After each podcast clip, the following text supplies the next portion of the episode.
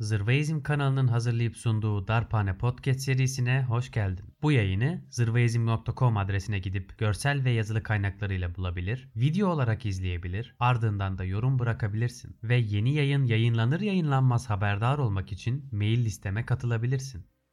Öğrendiğime göre imza toplanıyormuş. Bu durum bana karşı olduğu kadar size de karşıdır. Sendikanızın üyelerine sahip çıkmanız lazım. Kim var bu işin arkasında? Rusya var beyim. Hmm, Malum malum başka kim var? İlyas. Nurettin de var. Ömer de var. Bu herifleri atalım işten.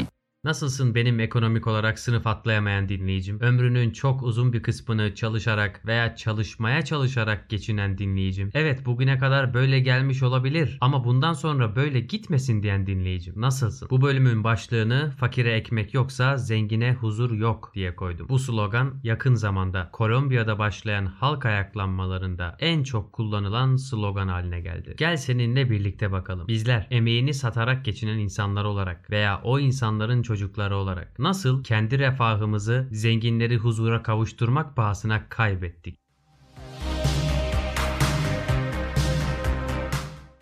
Çoğu yayında yaptığım gibi bu yayında da sana bir soru sorarak başlayacağım. Soru şu. Kapitalist bir toplumda egemenlik milletin midir? Yani toplumun mudur? Kafamızı çevirip insanlık tarihine baktığımızda köle efendi düzeninde egemenliğin yarı insan yarı tanrı krallara, hanedanlara veya arasında kan bağı olan insanlara ait olduğunu, az bir insan zümresine ait olduğunu görürüz. Ardından gelen düzende A ve Maraba düzeninde topraksız köylülerin kendi egemenliklerini o üretimden gelen bütün değeri teslim ettikleri ağlarına, derebeylerine verdiğini görürüz. Ve ne yazık ki ama ne yazık ki bugün içinde yaşadığımız toplumlar da kendi egemenliklerini üretimden gelen bütün değerle birlikte kapitalistlere, nüfusun çok az ve mutlu insan kesimini oluşturan küçük bir zümreye verdiğini görürüz. Peki biz bu noktaya nasıl geldik? Dünya halkları olarak Fransız devriminin o bütün insanları kardeşleyen, eşitleyen, hukuk karşısında aynı ölçüde eşit ve aynı gören bütün o kazanım nasıl oldu da birinin ötekinden tırnak içinde daha da eşit olduğu bir hale geldi? Bunun basit bir cevabı var. Bizler sıradan insanlar olarak anladık ki bu bahsi geçen kardeşlik ve eşitlik ancak sömüren ve sömürülenin olmadığı, sınıfların olmadığı, fakir zengin ayrımının olmadığı bir toplumda mümkün. Evet biliyorum bugün nüfusu birkaç milyon olup içerisinde sömürü var olduğu halde birer iyi ücretli köleler düzeni kurmuş ve kapitalizme entegre toplumlar olarak yaşayan bazı ülkeler var. Fakat ben hiçbir yayında bir kapitalist devleti başka bir kapitalist devletle kıyaslamadım, yarıştırmadım. Fakat bu demek değil ki daha önce asla ama asla bu yanlışa düşmedim. Ben de çok uzun bir dönem vahşi rekabet engellenebildiği takdirde, sömürü engellendiği takdirde, tırnak içinde ehilleştirildiği takdirde kapitalizmin senin benim gibi sıradan insanlara refah ve kalkınma getireceğini düşündüm. Ta ki kapitalizmin nasıl çalıştığını anlayana kadar. Şimdi özellikle bu pandemi döneminde aşının yeteri kadar üretilip her isteyen vatandaşa ücretsiz bir şekilde ulaştırılması önündeki engeller tartışırken bazı şeylerin ayyuka çıktığını gördük. Ne ilaç şirketlerinin ne de kapitalist devletlerimizin seni beni bizi yaşatmak gibi bir kaygısı yok. Onların derdi bizim hayatta kalabilmemiz ki hayatta kalmakla yaşamak arasında devasa bir fark var ki ancak bu sayede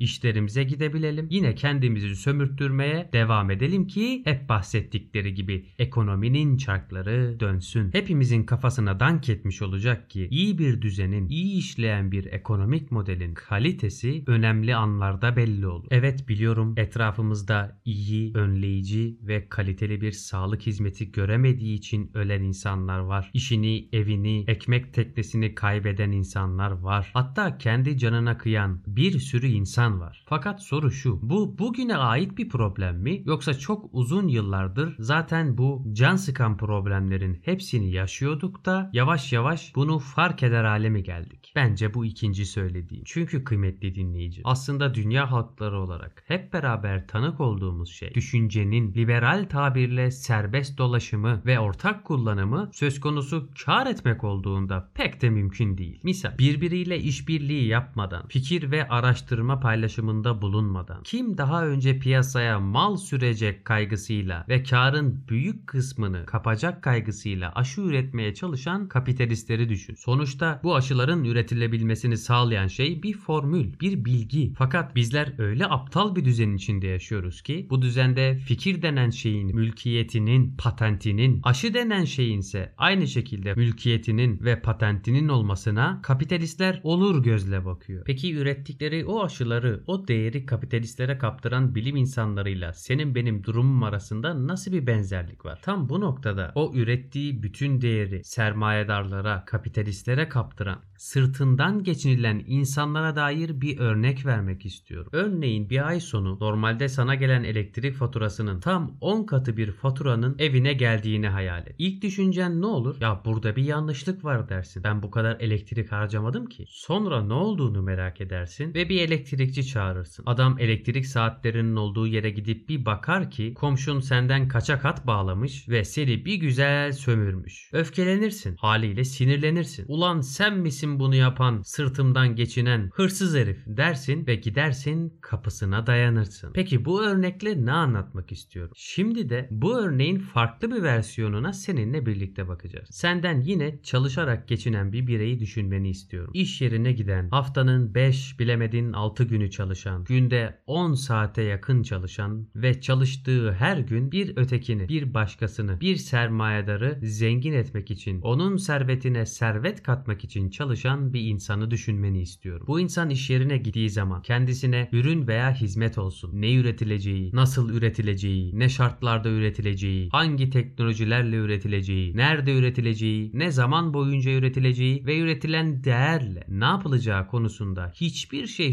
sorulmayan bir çalışanı düşünmeni istiyorum. Bu insan sensin. Bu insan biziz. Eğer çalışmıyorsan da yarın öbür gün çalışma hayatına, emek piyasasına girdiğin zaman bu insan sen olacaksın. Gözlemleyeceğin şey şu olacak ki haftanın 5 günü, 6 günü böyle bir zorbalıkla çalıştırılan, emek sahasında, iş yerinde egemenlikten uzak ve söz söyleme hakkından mahrum şekilde çalışmaya çalışan o insanlar işte o az önceki örnekte vermiş olduğum ve sırtından geçinilen beraberinde de yüksek bir fatura bedeli ödemek zorunda kalan insanlar gibi ne yazık ki ama ne yazık ki kendini sömüren kişilerin kapısına dayanmıyorlar, dayanamıyorlar. Bunun birden fazla sebebi var. Benim burada en tehlikeli gördüğüm sebeplerden bir tanesi zaten halde o kapısına dayanması gereken insanlara ve o insanların sömürü düzenine karşı öfkeli olması gereken toplumun tam aksine o bireyleri ve o bireyleri yaratan bu düzeni içselleştirmiş ve övüyor olmalarıdır. Parmakla gösterip başarılı bireyler olarak adletmeleridir. Haklarında övgüler düzmeleridir. O insanları birer hayırsever veya topluma faydalı bireyler olarak görmeleridir. Halbuki kaçak elektrik bağlantısıyla sırtından geçinen o komşuyla yine emek sahasında sırtından geçinen o kapitalist arasında temelde hiçbir fark yoktur. Ve bu öyle bir çelişkidir ki sen ben ömrümüz boyunca hakkımızı alarak değil, hakkımızı arayarak değil, çok çalışarak, çok emek sarf ederek o insanların sözde konumlarına ulaşabileceğimize inandırılmışızdır. Halbuki biz biliyoruz ki ne teoride ne de pratikte böyle bir düzende herkesin patron olma şansı, imkanı, sermayesi yoktur. Çalışmak güzel şeydir. Herkes çalışacaktır ama bu düzende bizler çalışanlar olarak refaha kavuşmak değil, hayatta kalmak pahasına o insanlara kendimizi sömürttürerek yaşıyoruz. İşte o yüzden o sevmediği işleri yapan, üzerine eğitim aldığı değil, sırf farklı bir sektörde para var diye alakasız sektörde çalışan,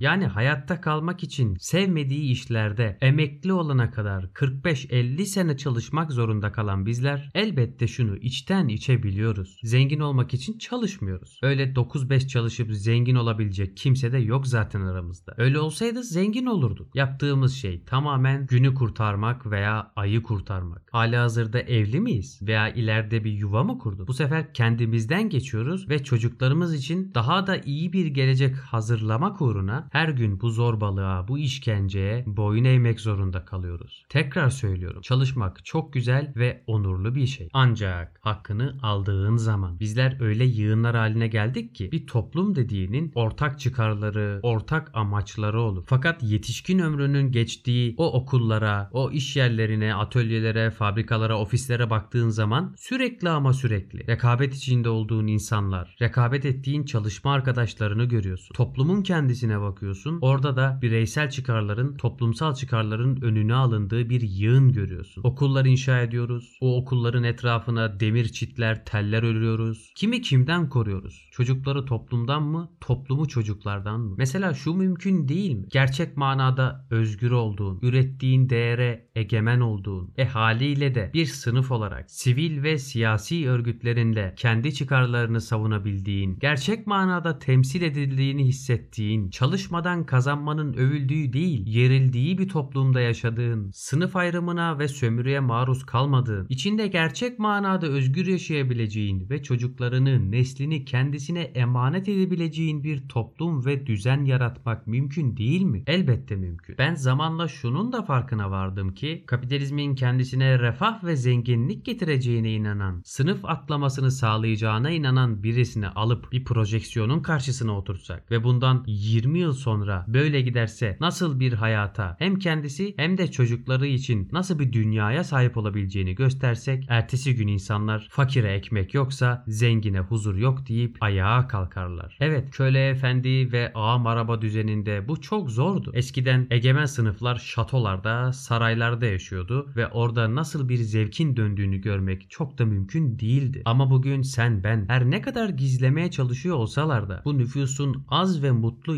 insan toplusunun nasıl bir lüks içinde yaşadığını, patronların, sermayedarların nasıl bir lüks ve sefa içinde yaşadıklarını görebiliyoruz. Peki senin benim için akla yatkın olan şey ne? Bir gün öyle yaşayacağını hayal edip ömrüm boyunca sömürülmek mi yoksa düzeni değiştirmek mi? Üstelik başka bir dünya ve hep birlikte kurtuluş mümkünken. Eğer diyorsan ki başka bir dünya mümkün ve bu yayın devam etmeli, patreon.com'da Zırveizm adına küçük katkılarını iletebilirsin. YouTube'da, Twitter'da ve Instagram'da arama çubuğuna Zırveizm yazıp takip ederek de katkıda bulunabilirsin. Senden özel isteğim bu yayını en az bir kişiyle paylaşman ve onun da fikrini sormandır. Sonraki yayında görüşmek üzere.